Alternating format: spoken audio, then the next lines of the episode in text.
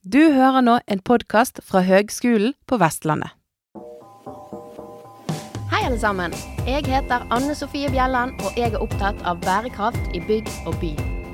Byggenæringen er i endring, og den vil endre seg radikalt de kommende årene når vi strekker oss etter å nå klimamålene. Det er utrolig mye som skjer samtidig. Med denne podkasten ønsker jeg å følge utviklingen på tvers av fag, sånn at vi sammen kommer nærmere bærekraft i bygg og by. I forbindelse med utstillingen på Kode, Nabo, hvordan skal vi bo sammen, så lager jeg eh, et par podkaster som omhandler eh, dette temaet. Boligen er jo interessant nok da en av velferdspilarene i samfunnet samtidig som den er fullkommersialisert. Det er et lite paradoks. Men det har jo da Bergen kommune jobbet litt med i dette prosjektet som heter Bopilot. Det er et eh, forsknings- og innovasjonsprosjekt som har pågått i flere år, og som avsluttes i disse dager med nettopp denne utstillingen på Kode, da, der man egentlig utforsker hvordan vi kan bo sammen i fremtiden for å både løse klimakrise og ensomhetskrise og så videre. Jeg har i dag snakket med seniorarkitekt Tina Therese Larsen hos Byarkitekten, som er prosjektleder for Bopilot Bergen, og som også er nå kurator for utstillingen på Kode. Du, tusen takk, Tina, for at du eh, kommer og prater med meg. Takk for at jeg får lov til å komme til deg, Anne Sofie. Ja. Vi må begynne med deg. Hvem er du, og uh, din bakgrunn? Ja, jeg heter Tina og er arkitekt. Jeg var utdannet på BAS i 1999. Så jobbet jeg et år som lærer på BAS etter det. Og så jobbet jeg ti år i HLM arkitektur. Var med å tegne denne skolen, ja. høyskolen, Veldig bra. Eh, på Kronstad. Og så vært med å tegne et stort fengsel i Halden og tegnet en del boligprosjekter med HLM. Og så har jeg vært veldig interessert i universell utforming.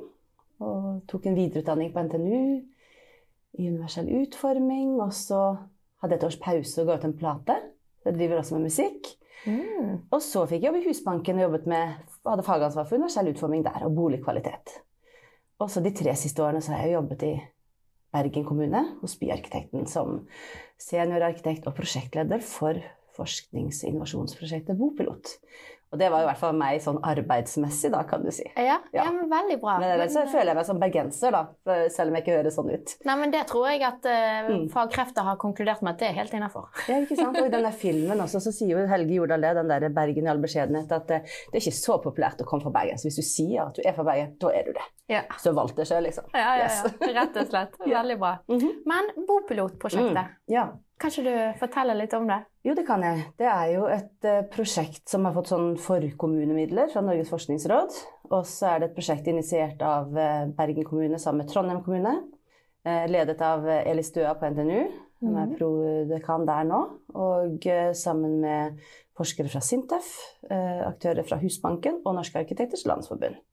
Så dette her var jo et tverrfaglig forum som ønsket endring i den norske boligpolitikken og boligsektoren ønsket å jobbe med hva er på en måte barrierene for at kommunene kan være pådrivere for endring, og pådrivere for at vi får bygge et, større mangfold av boliger, alternative boligmodeller. Um, hvordan kan vi støtte opp under det? Uh, så da har jo forskerne jobbet med et kunnskapsgrunnlag knytta til det her. Er det, hvor er det skoen trykker, og hva kan vi gjøre? Og eh, innovasjon i boligsektoren, det å engasjere aktørene, få dem med, snakke sammen, var jo eh, vårt, eh, eh vårt, ønske å gjøre her i Bergen. Eh, jobbe mer mot det allmenne markedet. Mens i Trondheim så har de jobbet mot eh, den tredje boligsektor, jobbe med boligstiftelser, hatt Svartla Moen som case, sånn eksperimentbyggeri der. I Bergen så har vi hatt eh, en tomt, en kommunal tomt, også eid sammen med BIR, i Grønneviken. Eh, også nå da kjent som Pilot Grønneviken. Det har vært vårt case, og ønsket vårt var jo at eh, det skulle hvile et forskerøye over prosessene som går der, som har gått siden 2015, da det var en Europan-konkurranse der. Og eh, av sted kom høye ambisjoner for deleløsninger. At det skulle være en pilotbydel for deleløsninger. Og Berg kommune har gjort utrolig masse godt arbeid før vi kom på banen der.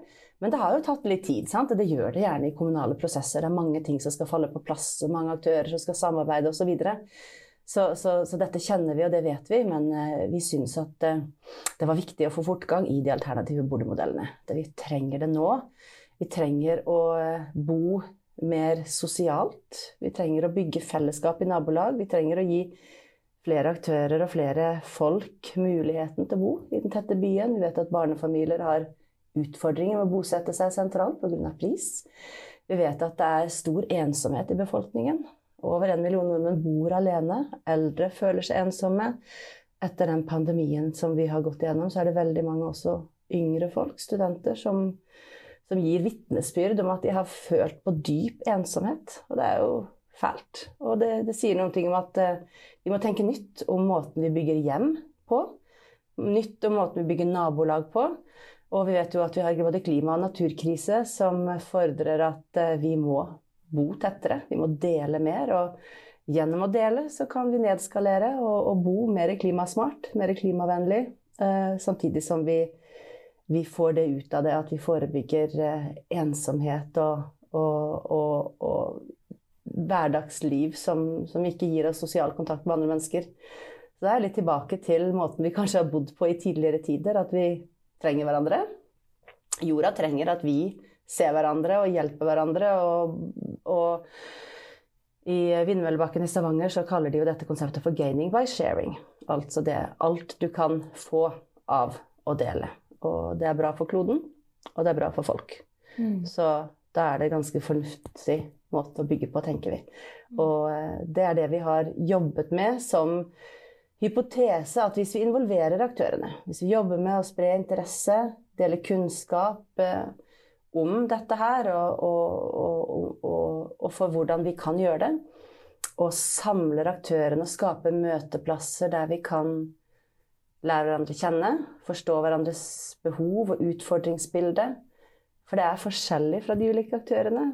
Utbyggerne sitter med sine ting, arkitektene sitter med sine behov. Utbyggere har Innbyggere har sine ting, og kommunene har sine løp. Alt dette her skal gå sammen i og helst, aller helst smelte sammen i en tidlig fase, slik at man kan avdekke og forstå hverandre og få felles ambisjoner og mål og jobbe sammen. Men når du mm. sier i tidlig fase, mener du da tidlig fase i altså en eh, reguleringsplansituasjon? Eller altså ut, utviklingsområdet? Ja, altså gjerne det. Eh, det kan være på ulike tidspunkt, og det er ulike ting man kan medvirke til i de ulike fasene. Så det å finne det rette tidspunktet er viktig, og det kan variere fra prosjekt til prosjekt, tenker jeg, med, med størrelse og kompleksitet og sånne ting. Men i Vindmøllebakken så har de jo eh, avdekket det at det å involvere folk tidlig er bra. Da veves eh, man inn som en del av DNA-et til bygget. Både når det kommer til utforming, når det kommer til muligheter, som selvfølgelig også ligger i reguleringsplan, mm. Eh, størrelser og, og, og, og, så videre. Og også dette her med at man får et eierskap som beboer til det. Man får interesse av det å bygge fellesskap, og fellesskapet, naboskapet, bygges parallelt med boligene. Mm. Med bofellesskapet. Og når man den dagen man flytter inn, så er man klar til å Da er man naboer allerede, liksom. Det er ikke noe sånn 'Å ja, hei, jeg hilser på deg, og der er din dør rett ved siden av min'. Da vet man hvem det er.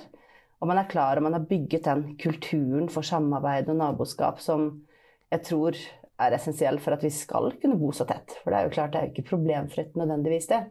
Men jeg vil tipse også om en, eh, en veldig fin sånn veileder som Helen Harde Arkitekter, som står bak Vindmøllebakken, har laget.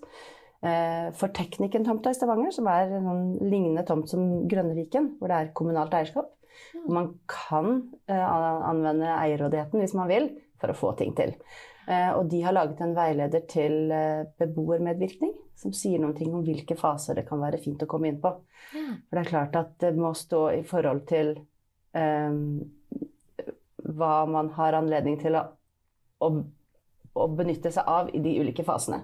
Man kan ikke medvirke til absolutt alt. Det er jo noen gitte begrensninger på en tomt, og det er noen gitte begrensninger eh, fra en kommune eh, og fra en utbygger osv. Så, videre. så det å være tydelig på hva er det dine innspill kan bidra til, hva er det du kan medvirke til, det blir framholdt som helt essensielt. Sånn at man ikke har sånn meta eller sånn eh, proforma medvirkning, på en måte. Det var fint det du sa der, men mm. det kan vi dessverre ikke bruke. At du er veldig tydelig på hvilke deler man kan medvirke til. Så Så, så, der er det en hel vitenskap bak det, og, og de arkitektene har i hvert fall dykket ned i det og, og gått ganske systematisk til verks for å finne ut av hvordan medvirkning best kan gjøre seg gjeldende i et prosjekt. Ja.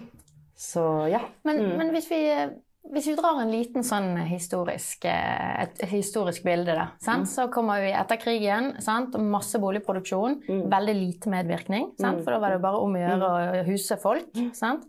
Eh, og så laget man ulike bolignormer med mm. sant, en mm. planløsning, ganske standardløsninger. Sant? Alle mm. hadde, bodde egentlig ganske likt, mm. men hadde alle funksjoner i huset sitt. Mm. Så det var jo stort fremskritt bare det, å ha vannklosett, liksom. Mm. Ja.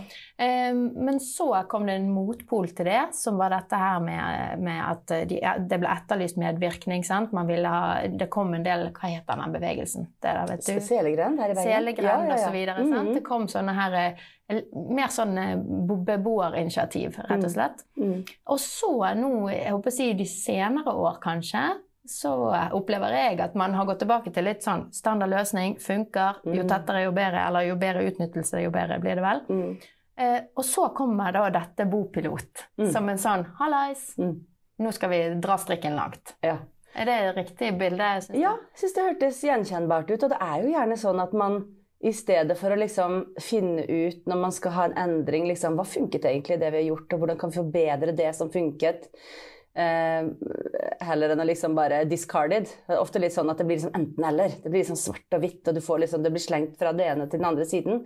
Eh, så, så, det ene blir vel en motreaksjon, altså reaksjon og motreaksjon. Det er vel sånn det liksom trykkes framover. Men nå har man vel begynt å skjønne at det er så mye bra i det der med medvirkning, og det er så mye bra i det der med å se på fellesskapet. At man er naboer som ikke bare stables oppå hverandre og er, liksom puttes ved siden av hverandre, men at man er involvert, og, og, og, at det er nødvendig også for å kunne skape tettere naboskap. Og klima-, miljø- naturkrise gjør at vi er nødt til å tenke nytt om bolig. Vi er nødt til å dele mer og bo tettere. og um, det er essensielt at vi gjør det sammen. Det er vanskelig for folk å samarbeide hvis de blir puttet inn. Da blir det høy friksjon, og det kan bli løsninger som ikke fungerer i praksis. Men det du beskriver historisk, er jo interessant. og Etter krigen så ble Husbanken opprettet i 1946. Da var det jo med et kobbel av arkitekter ansatte. ikke sant? Du hadde arkitekter i alle ledd i, i, i, i prosessen der. De satt og tegnet, reiste til Hammerfest, jeg har vært på Gjenreisningsmuseet der. Fascinerende. Jeg satt de i sånne her små koier og tegnet. ikke sant? Sendte opp masse unge arkitekter som fikk sitte der og tegne nye boligmodeller. Mm. Og det var jo en sånn liksom nesten sånn bevegelse. ikke sant? Bygge landet, gode boliger til folk. Det var liksom mangel på materialer, og de måtte virkelig tenke eh, bra rundt liksom eh, funderte planløsninger og, og, masse plass til oppbevaring. Det vet jeg, for det var jo på et tidspunkt eh, i historien eh, forslag til å fjerne bod, krav til bod. Ja. Så prøvde jeg å gå tilbake i historiene. Se på tidspunkt så hadde man krav til 15 kvadratmeter bod i norske boliger etter krigen i, i, i, disse her gjenreisningshusene. For det var jo vedbod, og så var det koksbod, og så var det matbod, og så var det klesbod, og så var det altså alle mulige slags typer man ting man måtte oppbevare. Da. Ja, ja, ja. Så, så, det er interessant. Men jeg synes det som er viktig å påpeke, det var at det var veldig masse fagfolk, veldig masse arkitekter involvert i den tidlige fasen etter krigen, hvor man bygget opp igjen. Mm. Så da var det jo fundert, og, og, det var nok medvirkning på den måten at man gikk ut og studerte. ikke sant? kjøkkentrekanten. Man hadde alle disse her kunnskapene om hva som var smarte planløsninger, f.eks. Mm. Eh, så, så kom eh, neste fase, og der ble det jo veldig fokus på å bygge raskt. Og bygge, bygge ganske tett og høyt osv. Og, få mest mulig ut av kvadratmeterne. Og, og da ble det nok eh, sånn at eh, Husbanken har jo tapt terreng. Fagfolkene har gått over til andre uh, Har fått andre roller. Og Husbanken har blitt kanskje mer bank enn en hus, på en måte. Mm. Med finansiering av, og, og, av de vanskeligstiltes boliger i markedet. Og mindre fokus på utformingen av boligene. Mm. Men det er fortsatt utrolig viktig. Og arkitektens rolle som, som uh, samarbeidsaktør kommer fra en samarbeidskultur. Vi vet at man ikke får et bygg opp å stå alene. Dette her er man nødt til å gjøre sammen med byggingeniørene, sammen med sosialantropologene, sammen med alle som skal bidra i prosessen. Elektrikerne, rørleggerne. Vi får ikke det her til aleine. Det er tverrfaglighet hele veien. Og også de sosiale fagene, som handler om forståelsen av hvordan vi bruker rom, hvordan vi møtes, hvordan vi agerer når eh, vi går inn i et rom sammen. Ikke sant? Hva slags type interiørarkitektur, belysning, stemning, materialitet, lyder kan gjøre det lettere for oss å sette oss ved siden av hverandre og få i gang en samtale. F.eks. Hvilke, mm. uh, hvilken ambians skal til for at vi skal føle oss vel og, og ha lyst til å, å, å, å, være gode med hverandre eller snakke eller, eller bo sammen. Da. Så, så det der med koble alle de der tverrfaglige perspektivene inn i boligen for å skape disse her gode hverdagslivene. og det, det krever fagfolk, og jeg tror Selegren-bevegelsen var jo en motreaksjon på det det litt sånn individualistiske perspektivet igjen. sant? Og det man startet med, det var jo å bygge bevegelse ikke sant? fra grasrota. Man gikk sammen. Fikk to tomter. En tomt i Nordås og en i, i Åsane, med Hestehaugen og, og Nordåsgrenda. Og så startet man begge steder med å bygge felleshus i midten. sant? Ja. Da var folkene med, altså bygget de opp felleshuset. Og så ble de jo kjent, og så fikk de en kultur, og så bygget de husene rundt. Mm. Eh, som var ganske like. Mm. Så det var på en måte Her er vi, og der er fellesskapet. Og, og det er fortsatt noe av de mest populære boligområdene i Bergen. Og det sier mye. Og jeg tror man har begynt å skjønne det nå, fordi krisene er så store mange, på mange steder. Vi, hvorfor skal vi bo alene og ha det kjipt når vi kan bo sammen og ha det skikkelig kult og bra og gøy og føle oss meningsfulle? Og jeg må bare si en ting til da, mens jeg har ordet. I går så hadde vi vi har en utstilling nå, den skal vi kanskje snakke om litt seinere, på, på, Kode. Med en sånn avslutning av Bopilot. Eh, der vi også har et ganske rikholdig diskursivt program med nabokvelder gjennom hele perioden. Helt fra, fra nå til ut eh, 11.9. Og i går så hadde vi en visning av en film som heter Grey Matter, laget av noen lokale arkitekter. De heter Lokal, Local, i Bergen. Der de intervjuet eldre folk i Bergen om hvordan de har lyst til å bo. Og det er jo så nydelig, fordi de sier jo det at vi vil jo bare snakke med noen, vi. Vi jo bare møtes. Det må ikke være en park eller en møteplass, men vi må kunne møtes i hverdagen. Det må være sånn at vi går forbi hverandre og stopper opp og liksom har en grunn til å snakke sammen. Og det må være sånne steder hvor vi bare kan møtes og bade, og de holdt på å bade, og de, det var utrolig kult å høre på de. Fordi gamle folk er jo ikke gamle oppi hodene sine. Det er jo kroppene som blir gamle. Sant? De vil jo fortsatt ha det gøy og drikke vin og holde på. Så hvorfor skal de sitte alene på et, et, et sykehjem hvis de ikke må? Hvis de mm. kan på en måte fortsette å være en del av, av både samfunnslivet og arbeidslivet, som Oleana-fabrikken sier har fått en pris for å, å koble generasjoner i arbeid. og og, og, folk har gått opp i åra som fortsatt går i jobb der og har mening i hverdagen. sant? Og eh, det var en del leger der i går, og det er jo også en grunn til det, for dette er jo helsebringende. Det er folkehelse, det er eh, personhelse. Du lever lenger og er friskere. Og det belaster jo samfunnet for mindre kroner hvis folk klarer det sjøl. Så det her er helse, det er samfunnsøkonomi, og det er klimasmart, og det er så bra på så mange måter. Så jeg tror og jeg håper at dette her er et paradigmeskifte for hvordan vi tenker boliger og nabolag. Og, mm. og da må vi samarbeide. Absolutt. Mm. Men, men, litt om funn fra bopilotprosjektet. da. Altså, Beboere, vi, er vi klar for dette? Hva sier vi når, vi, når dere spør? Håper jeg. Dere har jo gjort litt undersøkelser? sant? Ja, altså Vi startet jo Bopilot eh, Vi hadde egentlig tenkt å gå rett på en sånn designsprint for å lage rommelige løsninger for deling. Og så tenkte vi at å, hvor skal vi finne folk? Hvem skal være med oss? Hvor skal vi hente? Så tenkte vi ja, da lager vi en sånn digital medvirkning. Fikk vi med oss Leva Urbandesign fra Oslo, da, som kom over og hjalp oss å lage en sånn digital medvirkning. Ikke spørreundersøkelse, for det er ikke statistikk, dette her. Det må liksom ikke sammenlignes med det. Men vi sendte ut en, en undersøkelse da på SMS til ganske mange bergensere. Og så fikk vi ganske mange svar. Og eh, spurte da hva vil dere dele, hvilke funksjoner vil dere dele. Og så spurte vi kunne du tenke deg å bo med deleløsninger i Grønnevike.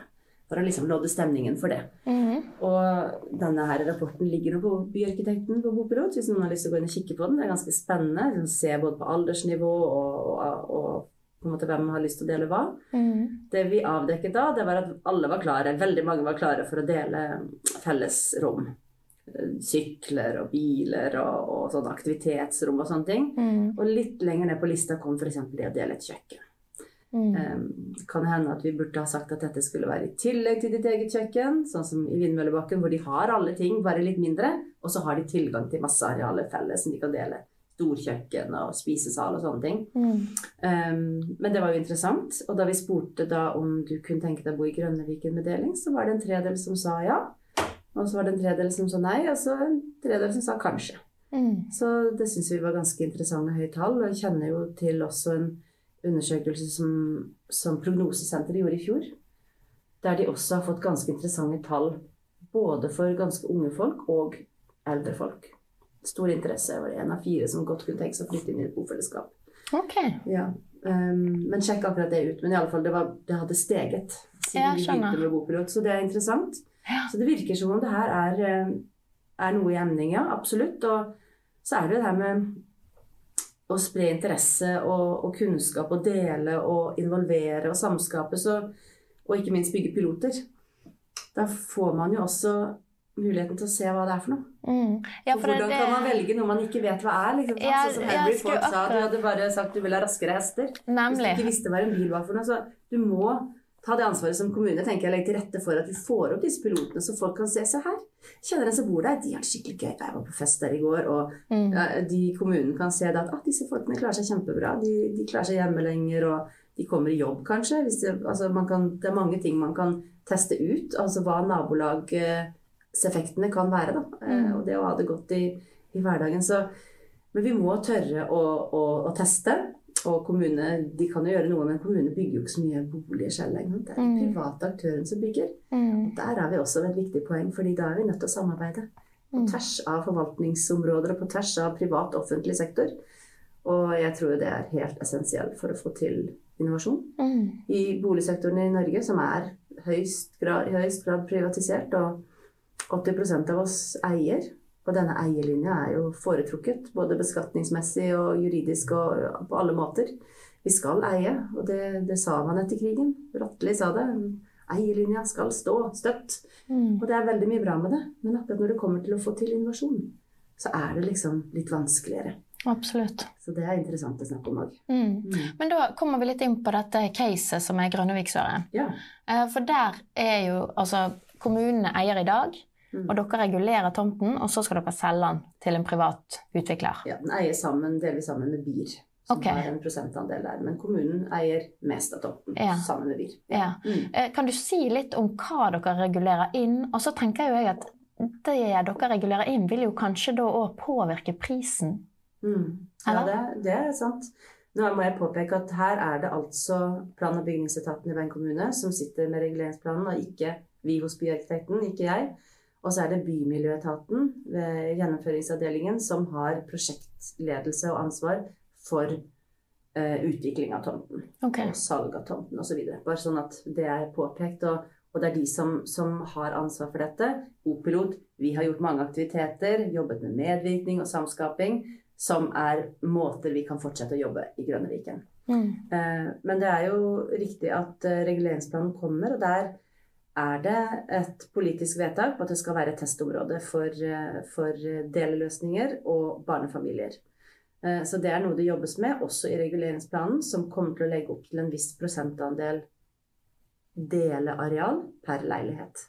Det har man jo ikke gjort før, sant? Nei. Dette er kjempespennende. Absolutt. Og det er for å oppfylle ambisjonene fra Europan, ambisjonene gjennom byrådssaken. Um, og den reguleringsplanen regner jeg med vil komme i løpet av året eller til neste år. Ganske rundt hjørnet, rett rundt hjørnet i Ja. kommunal sammenheng der, altså. Ja. Og hvordan dette vil påvirke pris, det er jo spennende å se på. Det har jo også vært en ting som vi har spilt inn gjennom høring. Det har jo vært en høringsrunde, og, og forskerne i Bopilot har også spilt inn at det er viktig å ikke stille for rigide krav.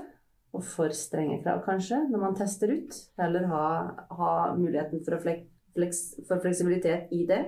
Fordi dette med pris er jo helt essensielt. F.eks. For, for at barnefamilier skal kunne komme seg inn og ha de antallet soverom som de trenger, og, og, og, og de fasilitetene som man ellers trenger. Vaskerom, f.eks. Helst Mm. adgang til å gå rett ut på en bakke, eller i hvert fall rett ut på et uteområde. Eh, eh, og nok soverom og, og nok plass til å, å være en familie. Så, så det der er hele tiden noe som man må balansere. Mm. Krav til, til disse nye innovative løsningene og, em, og betalingsevnen til dem man ønsker å ha inn der.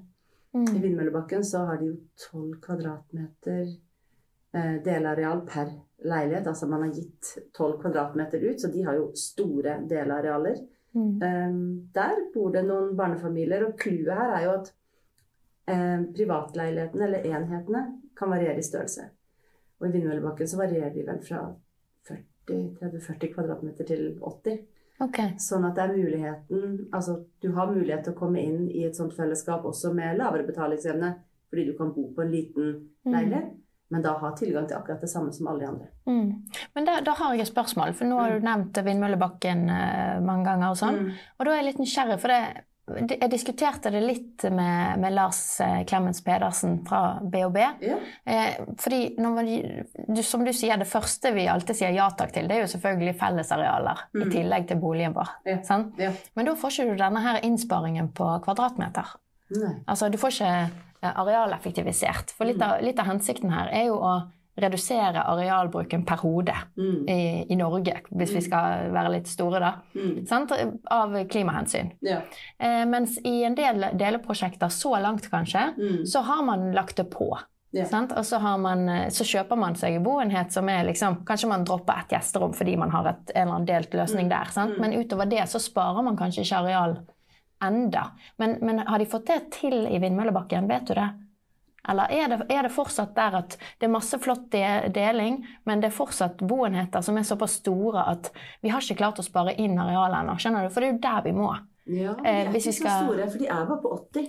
Og de var jo altså eh, de, og, og mange av de er ganske små.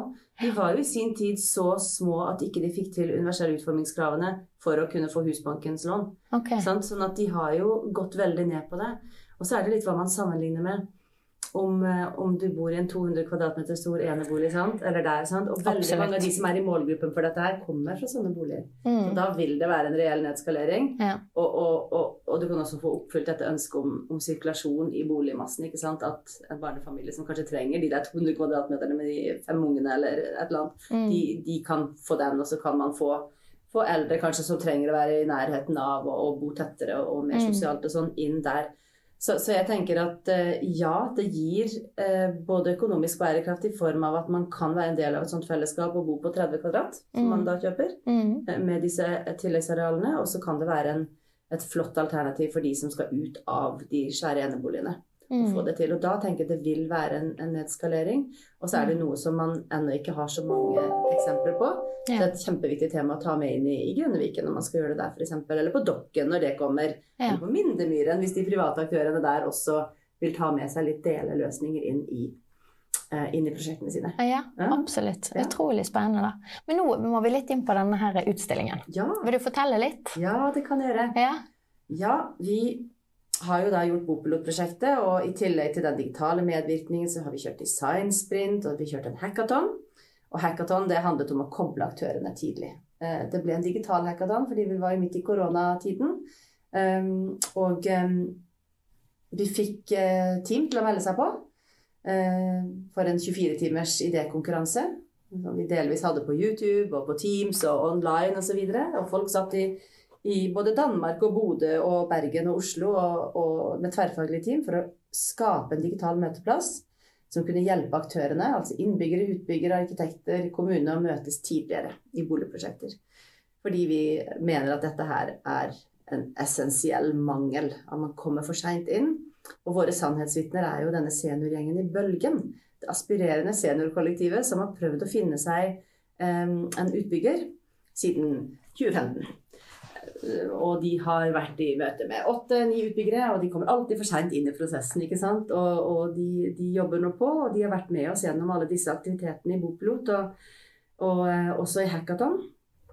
Eh, og eh, vi, vi, merket jo det at på designsprinten var de også med, og der møtte de jo eh, BHB utbygger, som, som, du har snakket med også. Og eh, nå er de i ferd med å, å jobbe sammen om et prosjekt. Mm. Eh, som vil gi deleløsninger. Så er det veldig spennende å se om det faktisk blir et, et hus for, for Bølgen. Men eh, vår siste aktivitet, eh, som vi alltid hadde visst at vi hadde lyst til å gjøre, det var å lage en utstilling eh, hos byarkitekten eller i kommunens lokaler eller på en eller annen måte. Men det store målet var selvfølgelig å få laget en litt større utstilling, men det er avhengig av andre enn oss. Så vi tok den omsider eh, tok, tok, mot til oss og tok kontakt med Kode museer og spurte om de kunne tenke seg å være med på dette her. Om de kunne tenke seg å hente hjem eh, Helen og Hard eh, sin modell fra Venezia-biennalen for arkitektur, hvor de har laget et, eh, et nytt bofellesskap basert på utsagn fra de som bor i Vindmøllebakken. Eh, der de har fått spørsmålet Dere som nå allerede deler en del, hvis dere skulle delt enda mer, hva skulle det ha vært? Og de svarene fins i denne modellen, som nå står utstilt på Kode. Fordi Kode sa ja. Vi syntes dette var spennende. Vi vil lage eh, Kodes første arkitektur- og boligutstilling på eh, over 100 år sammen med dere og hente hjem denne modellen. Og I tillegg så, så gir vi dere første etasje på Kode til å invitere inn utbyggere og arkitekter i Bergen til å komme med nyskapende sosiale boligprosjekter med deling som ennå ikke er bygget. Nettopp for å imøtekomme det der behovet for å koble folk i tidlig fase. Eh, så nå står det der. Åpna 6. mai med over 500 folk som kom. Tor Håkon Bakke, han, eh, byråden vår for byutvikling, han sa det at eh, Han siterte en musiker som heter Knut Scheiner, men han sa det at byutvikling er den nye rocken. Og da sto jubelen i taket. Så det er helt tydelig at det er mange som syns det er viktig med arkitektur, med, med bolig og byutvikling, at vi trenger nye måter å gjøre det på. Og i tillegg til at du kan se da denne flotte, omsluttende modellen med deleløsninger i andre etasje og 22 prosjekter, boligprosjekter med deleløsninger og sosial bærekraft og nabo, naboskap i første etasje, så kan du komme på Kode fra nå til september og være med på våre nabokvelder. Vårt eh, diskursive program der vi skal ha både nabostemmer, altså høre fra folk som bor i bofellesskap. Vi får besøk fra Von-prosjekt Wien, et veldig kult prosjekt der. Vi får besøk fra Frisgat i Oslo. Vi får besøk fra Barcelona, La Borda, La Col, som har fått Mies van der Rohe-pris for sitt bofellesskap der. Eh, du skal få høre debatten om arkitekturdebatten med Dan Bishoy, Camilla Moneta og Grete Brochmann. Der skal de brake sammen på kode og diskutere arkitektur. Og så vil du få presentasjoner av alle boligprosjektene som henger der. Eh, første er 24. mai. Da vil to av prosjektene komme og presentere. Både arkitekt og utbygger. Og Bergens befolkning, forskere, studenter inviteres inn til å være med og utsette disse prosjektene for diskusjon, spørsmål, gjerne kritikk i en tidlig fase, slik at vi kan være med og bli en del av DNA-et til de boligene som skal bygges i fremtiden. Og sånn tenker vi at bærekraft kan skje. Sånn tenker vi at arkitektur kan brukes som et verktøy for å forme samfunnet, for å forme naboskap, og for å utformes med forståelse for hva vi mennesker faktisk ønsker oss i våre hverdagsliv. Hvordan vi ønsker at boligene skal omslutte livene våre. Ikke presse oss inn i en form som ingen har bedt om.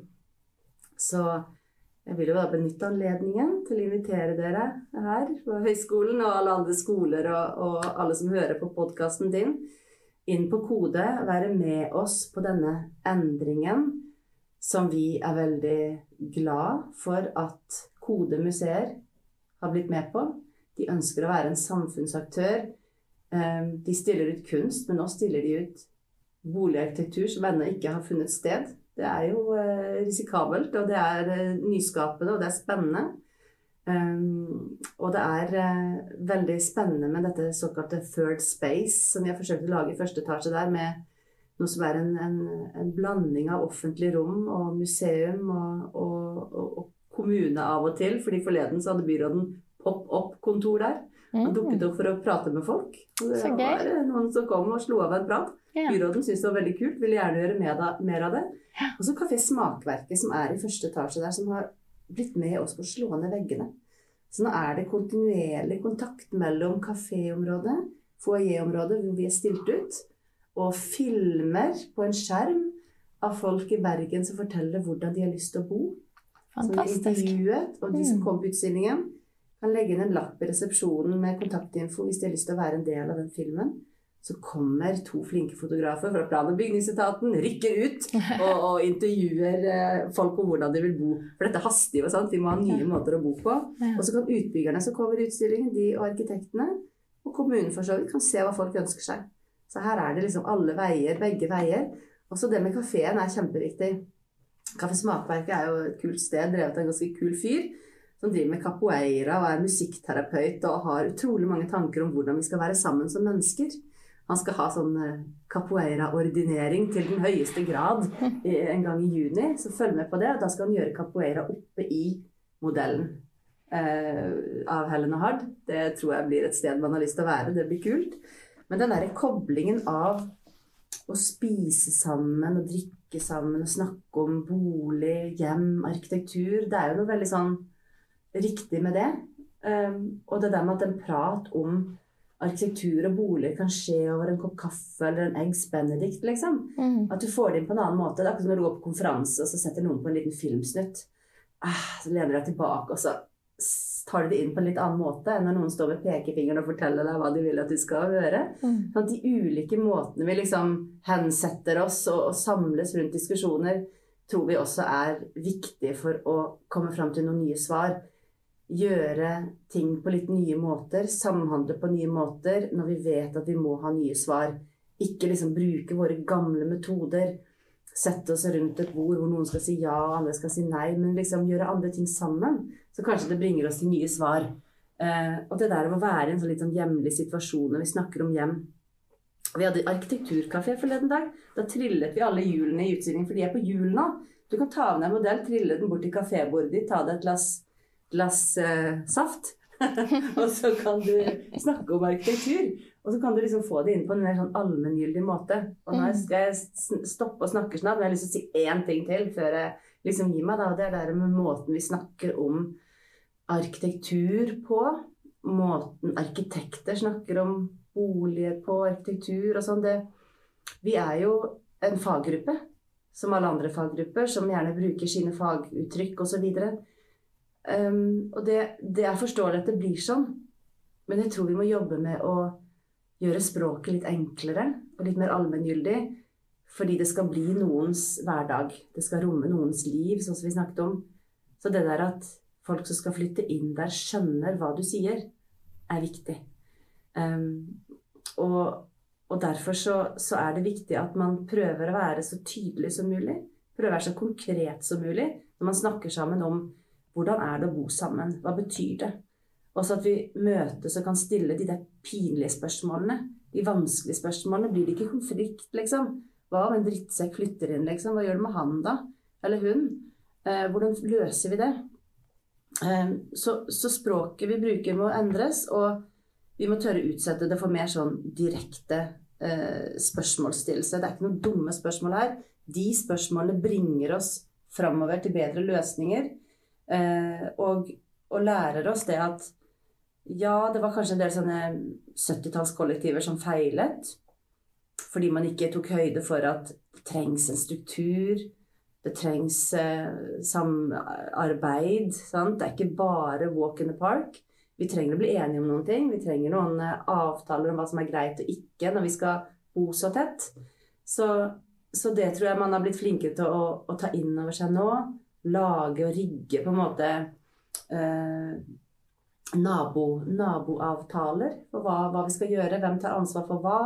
Hvordan skal vi bo sammen? Hvordan gjør vi det? Hva gjør vi hvis det oppstår en konflikt? Hvordan løser vi det? Ta det litt sånn suksessivt, ikke spare opp. Og det kjenner vi jo fra de som bor på Helgetun også. De har jo intervjuet disse seniorene dersom Riber-fondene har bygget et, eh, et sånt eh, delekonsept da, med fellesskap, spisehus osv de også sier jo det at eh, det er klart at det kan oppstå ting, men vi tar det underveis. Vi har mm. laget oss en kultur for å ta opp ting, for å adressere ting og for å Du kan ikke forvente at det ikke skal være konflikt. Liksom. Du kan ikke gå inn i det blåøyd. Klart det gjør det. Det gjør det jo når man har en hekk mellom seg òg. Nabokrangler er noe som alle har hørt om og kjenner til. Det skjer, liksom. Der folk møtes, oppstår det friksjon, og så er man uenig og sånne sånn. Men hvis man har gode strukturer, liksom avtaler for hvordan vi løser det når det oppstår. Det oppstår jo helt sikkert, så, mm. så er det lettere å bo sammen. Og da eh, er Kode det stedet vi håper at hele Bergens befolkning vil bruke fram til september for å diskutere nabo. Hvordan skal vi bo sammen? Hjertelig velkommen. Ja. Mm. Tusen takk skal du ha, Tina. Ja, takk skal du ha, Anne Sofie. Tine har et godt poeng i forhold til at selv om et boligprosjekt med deling i seg sjøl kanskje ikke har eh, synlige sparte kvadratmeter, fordi at liksom, det går opp i opp pga. fellesarealer og litt mindre boenheter, så appellerer de til at eh, mindre husholdninger som bor i store eneboliger på kanskje 200 kvadrat eller mer, blir åpne for å flytte fordi de får disse ekstra fasilitetene. Eh, og da øker vi jo på en måte arealeffektiviteten i boligmassen vår, og frigjør større boliger som større husholdninger da kan flytte inn i, f.eks. store barnefamilier. Jeg sitter òg og tenker at eh, de aller fleste boligene, de er jo bygget allerede. Så kanskje vi må tenke kreativt på hvilke kirurgiske inngrep vi kan gjøre i den eksisterende boligmassen for å gjøre den mer sosial og arealeffektiv. Jeg tror òg at eh, generasjonsboligen den vil kunne gjøre et eh, comeback i tiden som kommer. Rett og slett som et resultat av at eh, eldrepolitikken som føres nå, den er sånn at man skal bli eldre hjemme, og kanskje i større grad skal ha glede av sine nærmeste da, i en bosituasjon, altså. Enten det er en god nabo eller familie. Og dette blåser jo nytt liv i de store boligene, som kanskje igjen kan huse flere husholdninger. Det blir veldig spennende å se. Ha det godt.